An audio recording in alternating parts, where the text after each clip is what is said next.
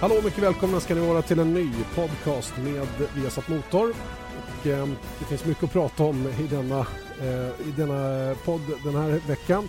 Eh, och vi ska faktiskt eh, allra först börja med Nascar och därmed också presentera Ted Westerfors. Välkommen! Tack så mycket! Eh, hur har veckan varit till att börja med? Har det varit lugnt och stilla? Vårstädat ja, hemma? Nej, jag går och väntar på Nascar hela veckorna och eh, sen så exploderar det under i det här fallet natten mellan lördag och söndag. Men något annat gör du väl? Nej. Finns det något annat att göra? Jag vet inte. Eje, vad har du gjort under veckan? Vi ska säga välkommen till dig också. Jag bara önskar att det var, att det var lite mer tid mellan Formel 1-racen för jag hinner knappt hem och vända och framförallt hinner jag inte packa upp. Så att, eh, ja, det är lite olika. Ja, det är härligt. Nej, jag vill gärna att det är tvärtom. Ja, ja det är rätt Ted. Vi, vi, har alla olika fokus i livet. Och, eh, hur, Mitt är klart. ja, hur som helst ska vi börja med Nascar-racet som alltså kördes i Texas. Eh, Texas 500, hette det inte så? Nej, det hette inte kanske så. Nej, det var lite kontroversiellt. Det hette NRA 500 i det här fallet och eh, det står ju för National Rifle Association så det var lite kontroverser och eh, det har blivit mycket snack efteråt också. Du har du lagt i det där snacket överhuvudtaget? Nej, jag håller mig ifrån det. Jag har min åsikt men den är privat. Okay. Eh, jag har bara accepterat att de har betalat för att, för att få synas i samband med racet och eh, de har inte gjort någonting övrigt utan det är bara de bokstäverna och eh, jag låter det vara så. Ja, med senaste tidens händelser där bortöver så kanske vi ska lämna hela den historien till sitt eget öde så att säga. Då. Vi ägnar oss åt det sportsliga istället som är betydligt roligare då där det var en riktigt, riktigt eh, bra helg för Kyle Busch. Det måste man väl ändå säga. Faktiskt bröderna Busch också som båda stod längst fram. Ja, Kyle Busch gjorde en riktig eh, Texas Weekend Sweep som det kallas. Han eh, vann Nationwide-racet på fredagen i dominant stil, ledde flest varv och eh, tog hem det hela. Sen stod han på pole inför eh, det stora racet, då, Sprint Cup-racet och bredvid honom hittade vi hans äldre bror Kurt Busch. Och eh, dessutom så slog eh, Kyle Busch banrekordet.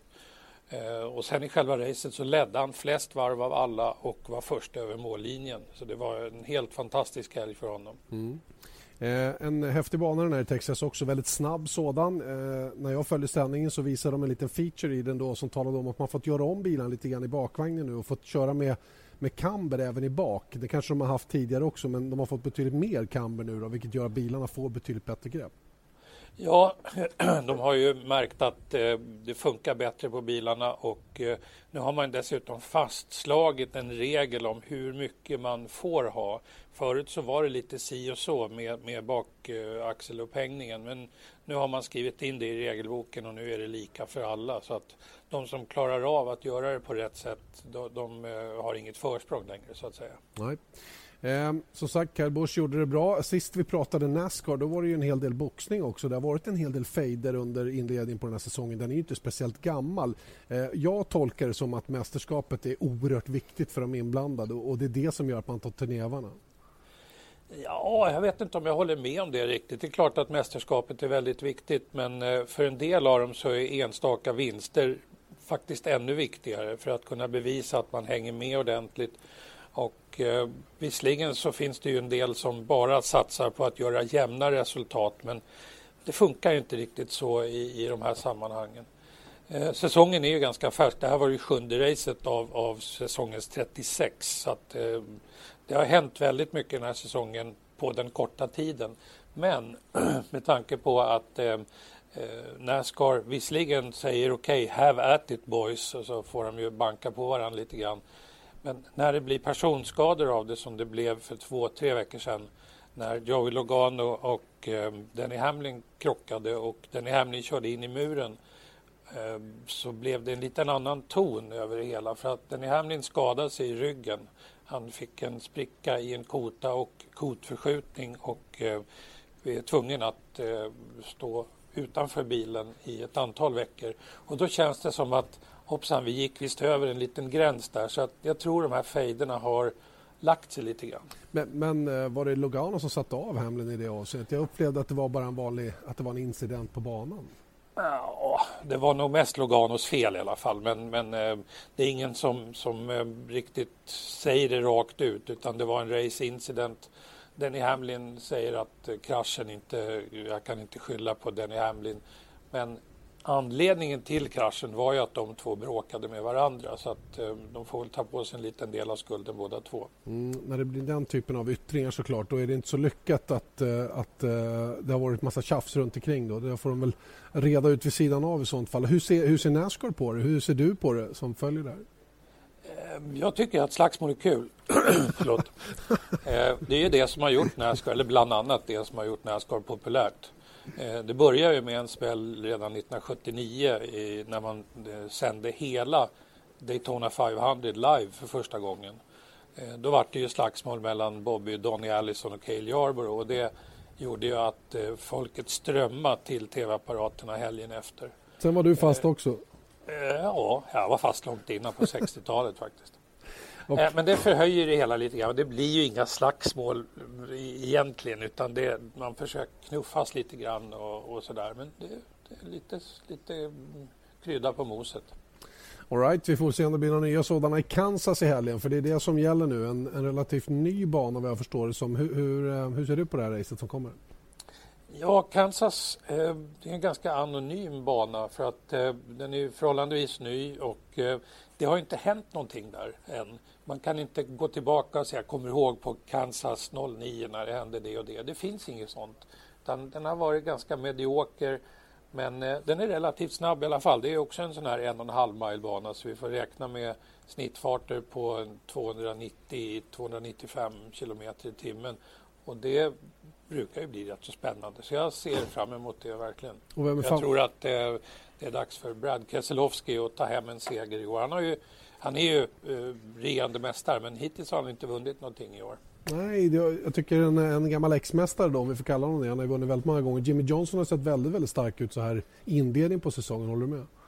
Absolut. Han leder ju dessutom eh, det hela nu och eh, det enda som kan ta lite fokus från honom och han ska ta sitt sjätte mästerskap. För han har ju tagit fem stycken, det är ganska strångt. Det är ju att han och hans fru ska ha barn igen. Och det barnet är räknat att komma ner eh, i, precis i september när The Chase, själva slutspelet, börjar. Så att det, det kan väl ta lite fokus ifrån hans, eh, hans eh, Quest for the Holy Grail. det kanske är barnet som är the holy grail den här gången. Han har ju några stycken sedan tidigare, är det inte så? Ja, ett, ett barn ett, ett sen tidigare. Okej, okay, då vet han ju hur det är i alla fall. Ja, vi får se om det kommer att påverka så småningom då för Jimmy Johnson. Eh, inga andra saker sådär som eh, man ska hålla koll på inför Kansas-racet? Eh, inget särskilt egentligen utan eh, det är bara som vanligt sätta sig och spänna fast säkerhetsbältet och eh, njuta av det som sker. Och egentligen, jag har inte tid att prata med dig något mer för att eh, jag måste iväg och träna inför just Kansas-racet. Men innan du rymmer nu vill vi veta hur det går för Alex Danielsson. Det vart lite rumphugget det där försöket till att få köra där borta. Ja, det var det ju verkligen. Det visade ju sig att eh, de gjorde en leakdown-test på bilen när de kom hem till garaget och det visade sig att den gav full effekt på två av åtta cylindrar. Plus att den misstände. Så att, eh, jag har full förståelse för att Alex inte kvalade. Men eh, han har långt ifrån gett upp utan det är eh, saker i görningen. Framförallt ett eh, förhoppningsvis då ett race i Nationwide-serien på en roadcourse-bana lite längre fram i år. Och i samband med det ett nytt försök på Bristol i KNN Series. Eh, så att, eh, men det är mycket som ska falla på plats. Men eh, han är ju en sån kille som aldrig ger upp. Så att, eh, jag tror nog att det kommer att bli av. Så att vi kommer nog få se och höra mer av honom i Nascar-sammanhang. Återstår att se. Alex Danielsson, det handlar väl en hel del om ekonomi ska jag kunna tänka mig i alla fall om man ska få ordning på saker och ting. vi, vi önskar honom lycka till. Vi önskar dig lycka till. Och hur ska du träna nu då? Är det armhävningar och situps och grejer? Nej, titta på TV. Ja, det är det. Kör tv-spel. Eje, det är också någonting som du brukar ägna dig åt. Och... Det, det här var den roligaste podcast vi har haft någon gång, tycker jag. Ted, kan inte du vara med i fortsättningen också? ja, visst kan jag vara det. Inga problem, bara jag har tid. Ja. Du, du är road över det här med boxning kanske? Jag vet inte. Ja, det, vi är inte bortskämda med det direkt i, i Formel 1, men det har ju hänt då och då vet, eh, Nelson Piquet gav en riktig snyting på, till Salazar, tror jag det var, på Hockenheim bland annat. Eh, tyvärr så hade inte Salazar hunnit fått av sig hjälmen då, så det gjorde nog säkert ont i, i högernäven på Piqué. Men eh, det är inte särskilt vanligt förekommande. Förra veckan pratade vi i den här filmen Rush eh, och där finns det ju en scen också där James Hunt klapp, klappar till honom, är det inte så? Eh, taget ur verkligheten? Ja, alltså. jag tror det. Jag ja, tror det. det kan nog tänkas. James Hunt var väl kanske inte inte den mest exemplariska Formel 1-föraren. Han hade nog inte platsat idag eh, i en McLaren till exempel. Men, eh, så det, det förvånar mig inte, men det var ingenting som jag kom ihåg. Ja, du ser, du ser Ted, vi, kan, vi kontrar med lite, i och för sig lite äldre grejer, men i alla fall, det finns lite boxning även i Formel 1. Tack så mycket det Ted. Finns väl, det finns väl förutsättningar i alla fall i, i, i Red Bull-stallet för att det, det ska kunna boxas lite grann. Absolut, de kör lite mer så här, psykologisk krigföring där inne tror jag snarare än, än handfast. Ja, ja. Hur som helst, tack så mycket Ted för Ja. att du var med. Vi, eh, vi lyssnar självklart nu till helgen då när det är dags för Nascar. Ska vi dra sändningstiden en sista gång också innan du får gå? Eh, Ja, tyvärr så kan inte jag ha den i, i huvudet. Men Va? jag tror att... Nej, jag ska ju titta på tv fram tills dess. Det är på söndag kväll. Söndag kväll. Prime, prime time. Viasat.se export, där finns alla tablåer. Så där tar ni reda på hur det ligger till med just detta. Och eh, racet går då i Viasat Sport ska vi säga också eftersom eh, det är MotoGP också från andra sidan Atlanten, nämligen i Texas. Jag ska prata mer om det lite längre fram i den här podcasten. Tack så mycket Ted. Eh, vi flyttar fokus då istället till, eh, till Formel 1 och eh, Kinas Grand Prix naturligtvis då innan vi börjar prata upp det som kommer kommande helg, nämligen i Bahrain. Eh, det har gått några dagar nu Eje och, och känslan så här när, när du har fått fundera lite över saker och ting och läst in det på vad alla tycker och tänker. Vad är det? Ja, man kan ju inte, man kan ju inte bry sig för mycket för att eh, det finns lika många åsikter som det finns, eh, finns eh, människor som tycker. Så att man får väl tycka vad man vill. Personligen så tyckte jag att det var ett bra race. Det var ett race där rätt man vann. Alonso hade en, en helg när allting bara föll på plats. Det märktes redan på fredagen. Och sen satte han inte ett hjul fel hela helgen och då är han väldigt svårslagen. Eh, rent generellt så kan man väl säga att eh, eh, hade någon frågat på eh, hade någon frågat eh, på, på söndag förmiddag vem som hade störst chans att vinna, ja, vad skulle man ha sagt då? Det fanns åtminstone fem, sex gubbar som eh, absolut har kunnat, eh, eh kunnat tagit segern där och det tycker jag var bra. Mm. Eh, mycket snack om däck förstås har det ju varit. och vi har ju både läst och, och, och haft egna åsikter också om hur, huruvida det är, det är för känsligt med däck och så vidare. Och, eh, till att börja med, vad är din, vad är din uppfattning i den frågan? Eh, nu när Pirelli dessutom har bestämt sig för att ändra det mjuka valet i Bahrain till en lite hårdare blandning för att vara på den säkra sidan. Ja, man vågar väl antagligen inte, inte chansa eh, med för mjuka däck ytterligare en gång. För att eh, om man ska se krasst på det så, till att börja med kan vi säga att jag är ju för det här med, med eh, olika gummiblandningar och gärna gummiblandningar som, som är lite utmanande, som tar slut och, och, och som verkligen sätter förarens eh, alla eh, kvaliteter på prov. Möjligtvis att eh, i Kina med de omständigheterna som rådde där att det, kanske var lite för aggressivt och kanske lite för mjukt. Vi såg hur gummit bara sprutade av däcken. Men eh, i det stora hela tycker jag inte att det görs speciellt mycket. Då fanns det andra anledningar, andra anledningar till eh, eh, klagomål, tycker jag.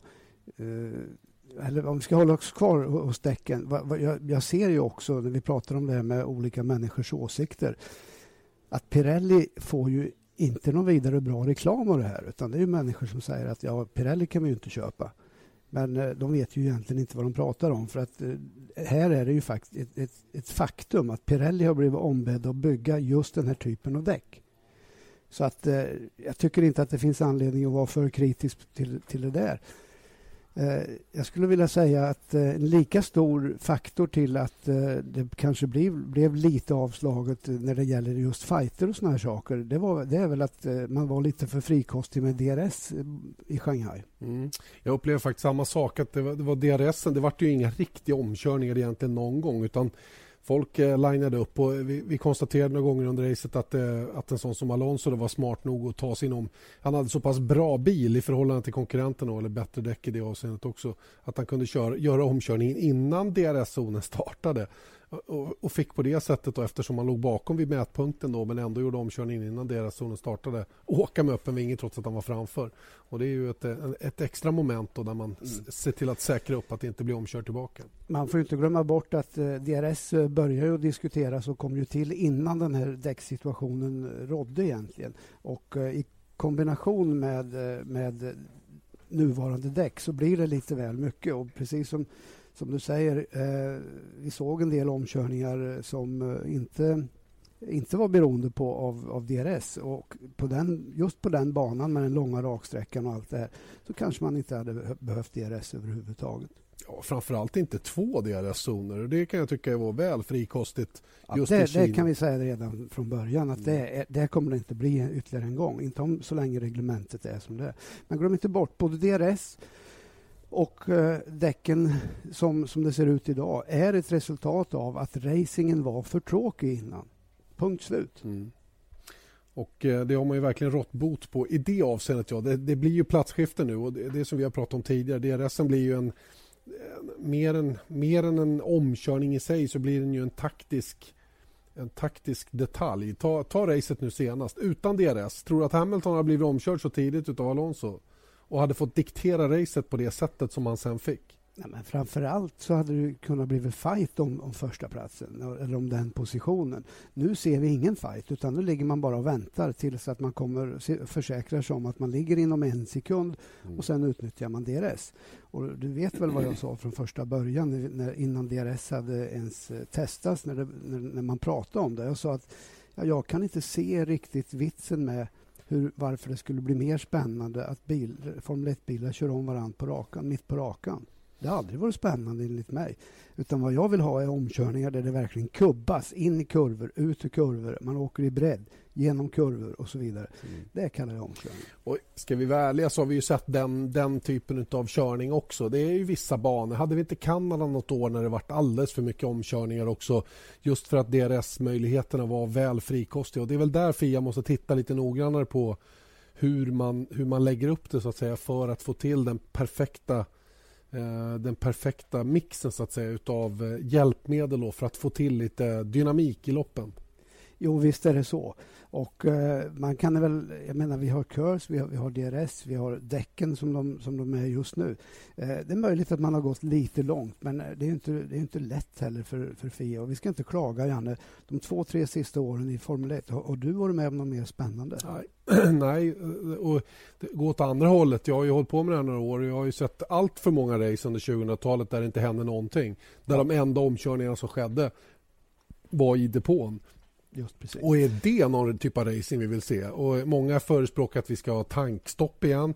Det är fullständigt absurt att stoppa in eh, tankningsmomentet igen. För att det enda tankningen gör det är ju att ge förarna ännu bättre förutsättningar. Och ju bättre förutsättningar förarna får desto mindre omkörningar blir det.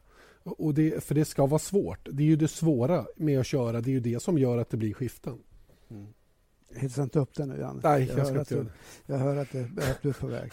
ja, nej, men det är riktigt, men det är ingen lätt uppgift. Men naturligtvis eh, eh, klagas från vissa håll. Eh, och eh, varifrån klagas det? Ja, det klagas för de som har bekymmer. Jag hörde inte att Ferrari klagar speciellt mycket efter Shanghai eller efter Kinas Grand Prix. Inte att allting var frid och fröjd. Inte ett pip från det hållet av någon underlig anledning. Eh, om vi ska gå in på lite detaljer då. Sergio Perez Eh, har ju inte, eh, ska vi säga, han har inte dominerat så här långt under säsongen. Den ena av McLaren-förarna. Mexikanen som kommer från Sauber till McLaren i år. och Det var många som höjde på ögonbrynen över att man valde just honom. Eh, har de fått vatten på kvarnen? tycker du? Det är klart att de har fått vatten på kvarn. Eh, och, eh, och eh, jag är den första att erkänna att han har haft en katastrofal helg. Kina var riktigt katastrofal. Två avåkningar och eh, en sammanstötning med Kimi Räikkönen i, i racet. Eh, så att, eh, mycket riktigt, McLaren har, har officiellt sagt att eh, nu är det dags för Perez att visa vad han går för. Han måste skärpa till sig. Och så visst, det är väl sådana som njuter av det kanske. Jag jag vet att han har betydligt bättre kapacitet och bättre, bättre... Han är en mycket bättre förare än vad han har visat. Men han kom alltså in i ett team nu med stora förväntningar och, och helt plötsligt hela världens ögon på sig. Förväntningar om att, eh, att eh, eh var lika snabb som Jenson Button och, och, så vidare, vilket jag tror att han är. Men han kom in på helt fel fot. Han kom in i en bil som är väldigt svårkörd, en bil som man fortfarande jobbar stenhårt med för att få någon ordning på. Eh, det krävs erfarenhet naturligtvis att få, få ordning på det där. Och under tiden så har hans eh, självförtroende bara gått i botten. Och eh, utan självförtroende i en Formel 1-bil, utan att du litar på den, utan att du eh, vågar eh, chansa lite grann, gå över gränserna, ja då är du ingenstans. Utan han måste helt enkelt eh, svärja förtretet och eh, börja om från början. Vi får se hur pass stark han är mentalt, och för det är nog det det handlar om väldigt mycket. Och Det är aldrig kul att få höra av teamchefer att man måste toughen up, som, som Martin Whitmarsh har har uttryckt det. Då. Samtidigt som han blev kritiserad för, för ett antal eh, överdefensiva moves som en del tyckte. då. Bland annat Kimi, Kimi Räikkönen och Jenson Button var lite eh, men, men hur var det för, slutet på förra året? Ja, då var det precis motsatt. Då fick han kritik för att han var för aggressiv istället. Mm. Så att det är naturligtvis en otroligt svår avvägning och eh, precis som jag säger, när du inte har självförtroende, när du inte litar på bilen, när du, inte, när du åkte av två gånger som han gjorde på träningen här i Shanghai, Eh, är du, då är du totalt livrädd för att ladda för mycket med, med, med, med risk för att du gör ytterligare en avåkning. Så att han, han har en oerhört eh, svår situation och eh, det kommer att ta lite tid för honom innan han kommer in i det. Framförallt har ju McLaren lite att jobba med hemma också för att få till en bil nu som förarna trivs med. För att Det är ju en väldigt avgörande del till om en förare ska kunna göra ett bra jobb. Det är om man trivs med det material han har i händerna. Och så pass oerfaren som Sergio Perez är också då, så kanske han har lite större svårighet att anpassa sig till det han har fått nu då, som, som Jenson Button då, med, med väldigt fin körning här senast då ändå visar att det finns någorlunda potential i materialet.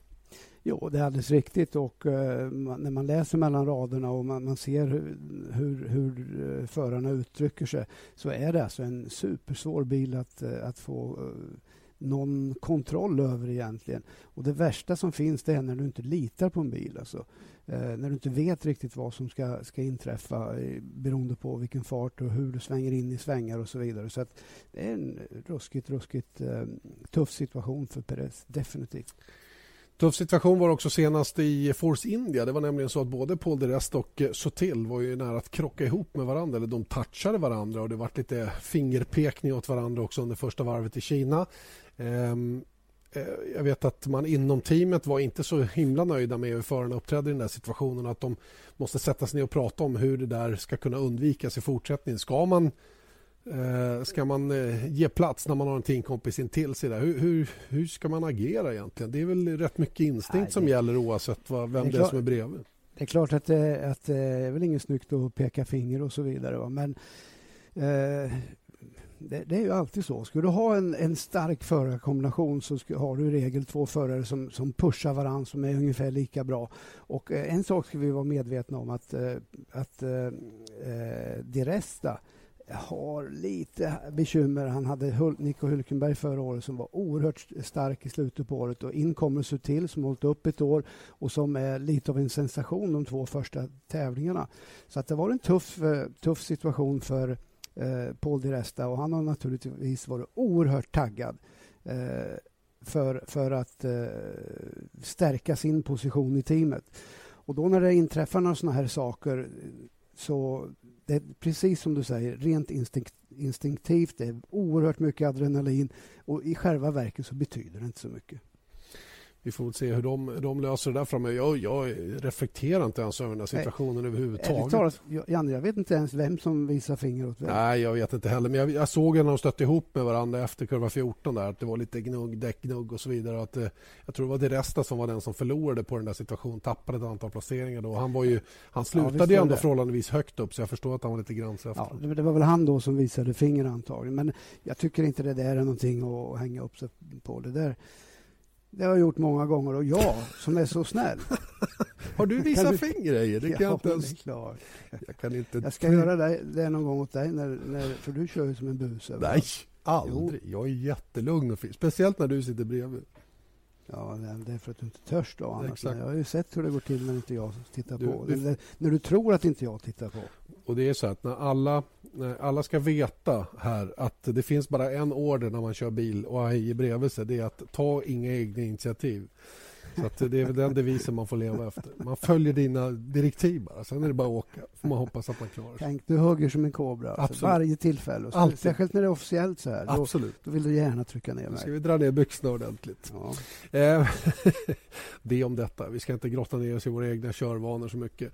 Eh, racet i Bahrain då. Eh, en liten kul analys, eller intressant analys som, som BBCs Gary Anderson gjorde efter loppet var att han menar ju på att en av anledningarna till att Ferrarin gick så bra här i, ehm, i Kina och även faktiskt Toro Rosso då var ju att de är ju, det är ju två bilar som tenderar att ha eh, när bilen ger upp greppmässigt så sker det först i bak. Och eh, han menar på att banan i Kina är en sån här front-end dependent. Den, den liksom, där är det framänden som gäller hela tiden och därför så får de bilarna som har väldigt bra grepp och väl fungerande K-system de har inte samma nytta av det just i Kina. Då. Nu kommer vi till Bahrain som är närmast tvärtom i det avseendet då. han menar på att det kan faktiskt se lite annorlunda ut när vi kommer till, till, till Bahrain. Va, va, vad tror du om det här? Ja, till att börja med ska jag väl säga då att eh, Gary Anderson som jag har stor, eh, stort förtroende för, en gammal kompis dessutom, vi har hållit på lika länge, jag har känt honom väldigt, eh, väldigt länge. Han är ju precis som mig har gått över till eh, det verkliga facket, journalistfacket eller kommentator och, och så vidare, TV. Och det är roligt. Eh, men det är ett tag sedan han var i Formel 1 rent praktiskt själv. Han har oerhört mycket kunskap, mycket, mycket mer teknisk kunskap än vad jag har naturligtvis. Så jag lyssnar gärna på vad han har att säga. Men att tro att teamen själva inte har mer kunskap än vad han har som har ändå varit borta ett tag. Det är ju helt eh, absurt att tro. Så naturligtvis så är de mer, mer än väl medvetna om det här faktum, faktumet och kommer naturligtvis att, att i den mesta möjliga mån som det går eh, kompensera för de här sakerna. Sen har vi, har vi också så att eh, ett, ett, faktum att vissa förändringar har gjorts på bilarna sen förra året. Däcken fungerar på ett annorlunda sätt. Så jag är inte så övertygad om att eh, att det nödvändigtvis måste vara så. Utan det är just att man måste, att man måste splitta upp det i front-end och rear-end, alltså framaxel, bakaxel eh, och, och så vidare. Utan det, jag tror det är mer generellt. Alltså, hur man jobbar däcken för att eh, det är däcken i slutändan som är det avgörande, hur man får dem att funka. Mm. Eh, vad tror du om Bahrain som sådant då? Det är ju eh, ganska snabbt nu har det ju börjat att bli oroligheter. Oroligheter har det ju varit ända sedan arabiska våren egentligen då när racet också blev inställt. Eh, men sen körde vi förra året och eh, räknar med att komma till start även den här helgen. Det är fortfarande en del oroligheter och så vidare. Eh, borde man inte stänga butikerna eller vad, vad säger du? Janne, jag eh, jag vet inte vad, hur jag tyckte eller vad jag tyckte och vad jag sa, om jag nu sa någonting förra året eller förra gången det var det här problemet. Men eh, jag, jag måste erkänna att eh, jag, jag, jag, känner mig inte jag känner inte att jag har rätt att tycka någonting i det här egentligen. Jag tycker det självklart är väldigt tragiskt att det är de här politiska problemen som är där. Huruvida, huruvida det påverkas eh, på ena eller andra sättet av att man att man anordnar Formel 1 där, ja, det har jag svårt att, svårt att ha en synpunkt på. Och, eh, jag nöjer mig med att säga att jag tycker det är tragiskt att eh, om människor där borta inte mår bra och att man har bekymmer. Det är väl ungefär den synpunkten som jag har på det också. Man, man, kan för lite om hela situationen för att kunna egentligen ha några direkta åsikter om huruvida Formel 1 borde vara där eller inte. Vi kan bara konstatera att vi försöker köra där den här helgen. Eh, vad tycker du om stället då? Alltså själva ja. banan då, tänker jag. Inte, ja, ja, ja, för jag tänkte säga att jag tänker nog inte flytta till Bahrain. Alltså, det är lite grann för, för stor kontrast till eh, det jag har nu, lilla Karlskoga, där eh, man känner alla i stort sett. Och eh, lugnt, och ro, lugnt, och, lugnt och gött. Så att, men Bahrain är ju i, annars ett... Jag har ju bara varit där egentligen när det har varit GP2 och när det har varit Formel 1-tävlingar. Och det är ett trevligt ställe att besöka, helt klart. Och det här är ju en av de tidiga banorna från Herman Tilke. Och det är ju det moderna stuket, bred, slät, fin bana, förlåtande i mångt och mycket och eh, totalt raka motsatsen till typ Silverstone, Spa, Monza och det här. Och eh, det kanske inte är riktigt mina favoriter, det, det, ska jag inte, eh, det vill jag inte sticka under stol med. Men det finns ändå ett par eh, trevliga eller bra passager på banan. Den har en bra kombination av lång raksträcka, snabba kurvor, långsamma kurvor och framförallt kombinationer som gör att det Eh, kan vara ganska intressant. Relativt lätt att köra om på. Så att eh, ett, ett, en bra Formel 1-anläggning helt enkelt. Mm. Eh, och eh, för att komma tillbaka då vad vi tror att det kommer att bli för typ av race så är det de, de vanliga teamen. Kan Red Bull hitta tillbaka till formen då? Jag kommer tillbaka till lite grann eh, ändå den här analysen som Gary Andersson gör. Alltså helt plötsligt så var, så var Red Bull tvungna att ta ett ganska radikalt beslut på en bana där de kanske inte till 100% trivs. Eh, förra året så vann Sebastian Vettel i Bahrain. Ett mm. av få race han vann i början på året. Eh, det måste ju vara skillnad på banorna i det avseendet. Jo, det är skillnad på alla banor. Så att det, jag menar, ta Kanada då, när hon mm. kommer dit. Det är en raka motsatsen. Så att eh, det, det är klart att det är. Men, men eh, Red Bull har ju ett litet problem som vi har egentligen eh, ett års tid egentligen väntat på att det skulle inträffa, att de andra kommer ikapp och att de att de riskerar med den typen av bil de har som är ofta långsam på raksträckorna. Man måste börja tänka om. Eh, möjligt att man inte reagerade tillräckligt snabbt och när man börjar lägga om struktur eller strategi för hur man, hur man ska jobba bilen, ja, då börjar man ju lite grann i ingenmansland och det tar lite tid innan man hittar rätt. Så att eh, Eh, och, och sen får vi inte heller glömma bort, vi är i slutet på ett reglemente. Alla har, har växt ytterligare. Eh, eh, alla ligger väldigt nära gränsen. Bilarna är bättre. Det räcker inte idag med mm, rådande klimat så att säga så räcker det inte med att kunna kvala, kvala i första led för att du ska vinna. För att, och det har vi sett flera gånger nu. Kan det till och med vara så att eh, det var Red Bull som kanske mest missgynnades av de mjuka däcken i Kina eftersom de har en bil som pressar däcken rejält och, och kanske hårdast av alla? Ja, visst, men eh, det är ju å andra sidan så är det ju ingen det är inget tvång att, att, att, ha en sån bil. Och jag menar om man tittar, i och för sig nu, Webber startar ju sist. Så det är klart att han måste ändra om saker och ting. Eh, ta av lite, lite downforce och, och, så vidare. Göra kanske en del förändringar på, på, på hjulinställningar och, och så vidare. Eh, så att jag menar, eh, det är ju valfritt alltså. Men, men har man börjat, börjat i ett mönster Eh, Eh, så är det naturligtvis så att eh, man eh, har svårt att avvika från det. Så att jag skulle vilja säga att jag tror att Red Bull kommer inte att...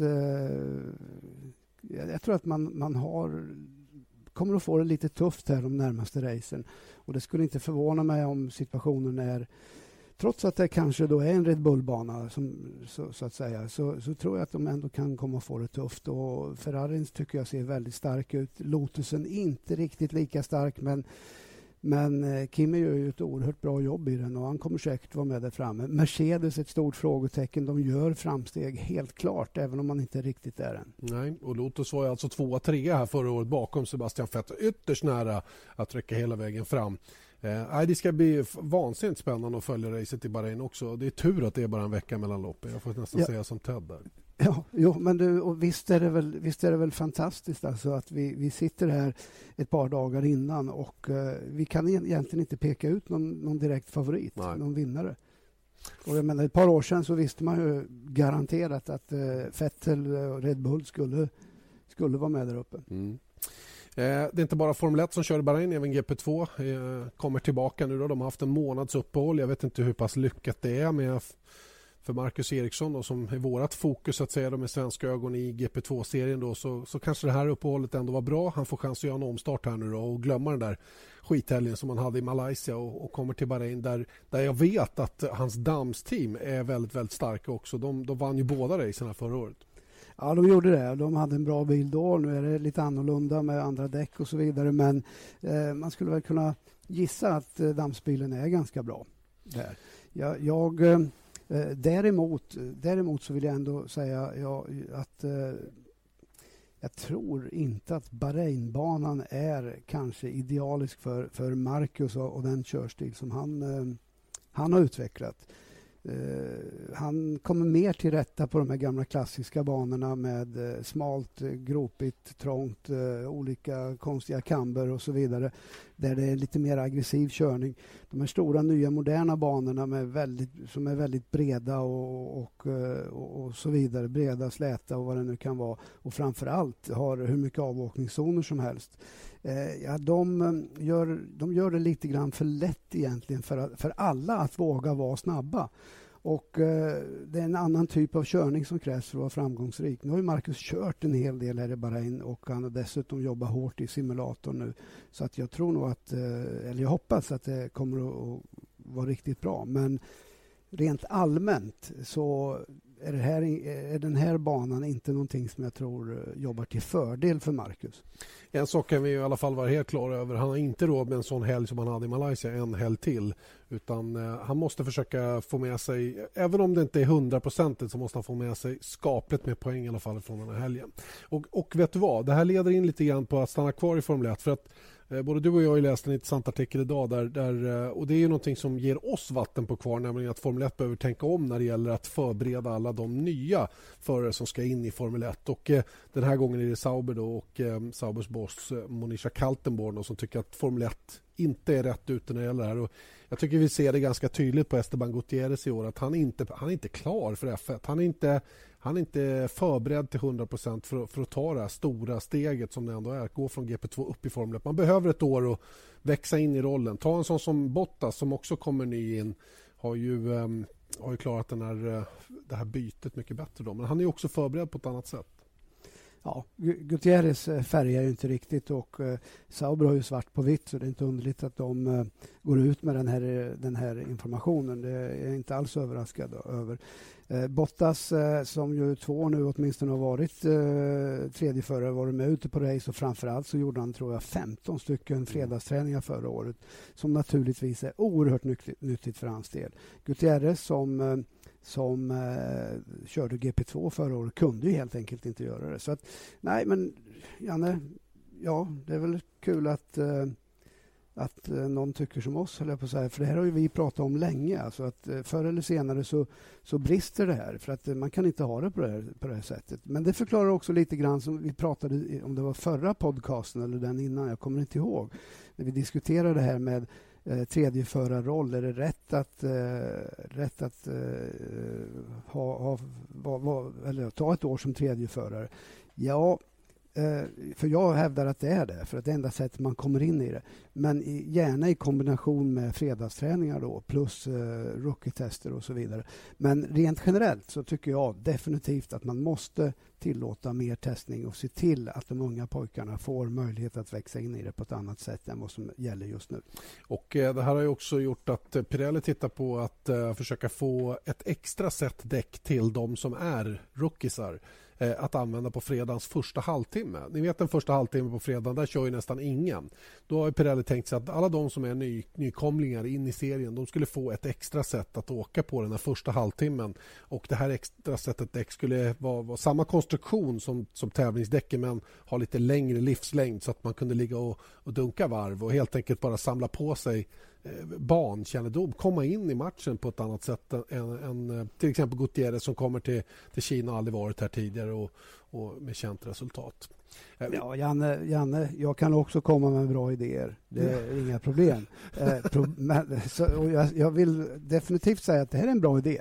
Men vänta lite innan vi flaggar för det här för, för allvarligt. Därför att Eh, oavsett hur bra idé det är så kommer det alltid, alltid att, att hamna på det diskussionsplanet och, och Formel 1-teamen har de kan ju inte komma överens om någonting. Nej. Absolut noll och ingenting.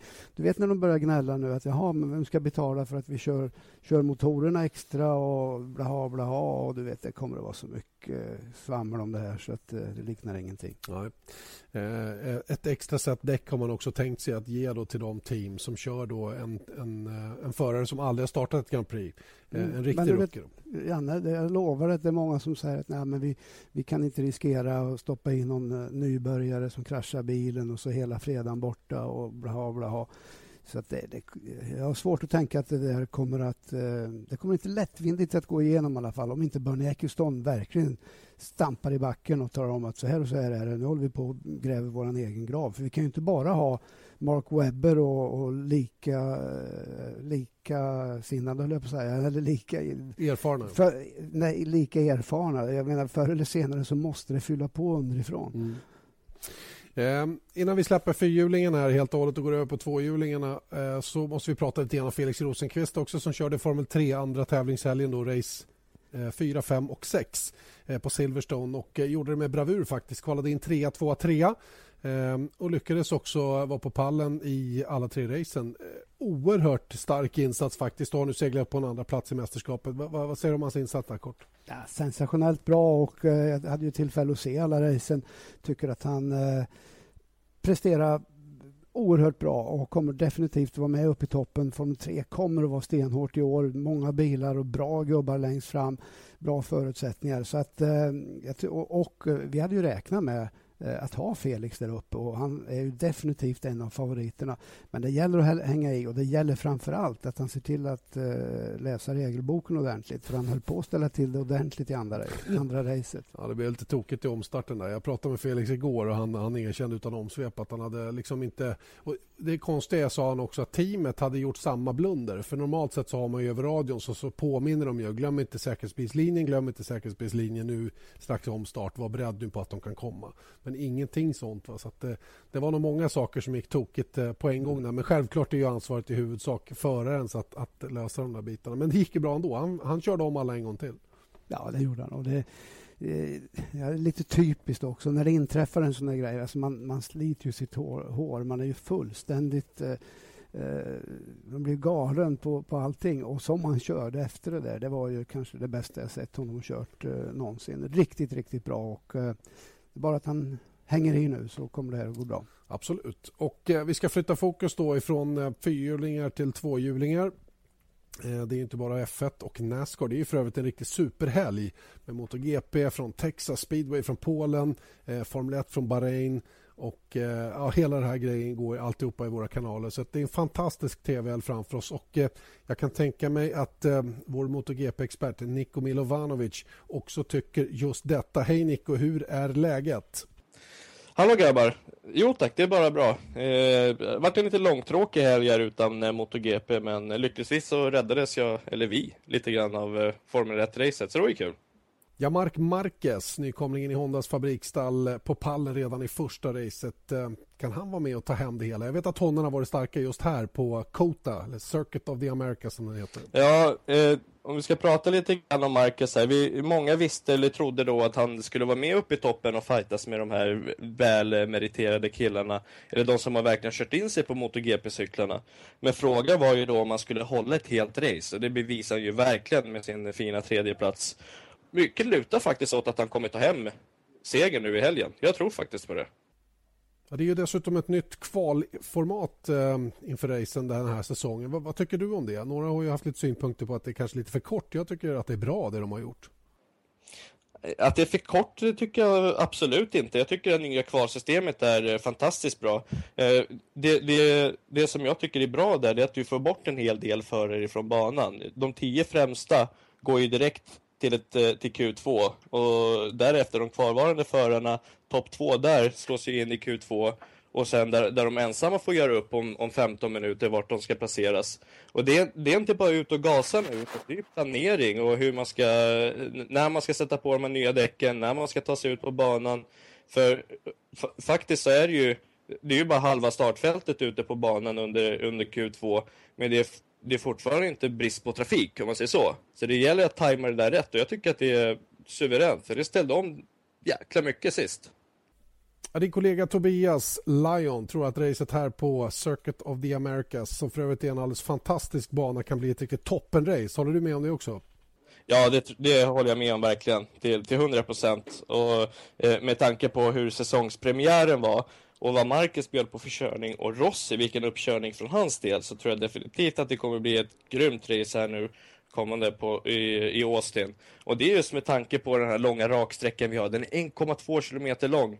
bara rakt fram. Där, har, där blir det Honda Power till 100%. Men sen har vi de här knixiga partierna med, eh, där du använder eh, första och andra växeln väldigt mycket och svänger från höger till vänster. Där, där har Yamaha ett litet övertag. Men Marcus, han är en sån här före, som jag sa tidigare, han, han struntar ju alltihopa. Han, han tar sig fram där ändå. Han kommer vara med och kriga. Han var ju snabbast där på testet som jag sa. Eh, så att det här racet kommer vara minst lika spännande om inte mer spännande. Tack så mycket Nico. Fantastiskt kul att få se då hur det går nu till helgen på Circuit of the Americas och Eje motorcyklarna på den där läckra anläggningen. Det måste ju vara något i hästväg det. Absolut grymt och jag önskar verkligen att jag kan, kan se det racet.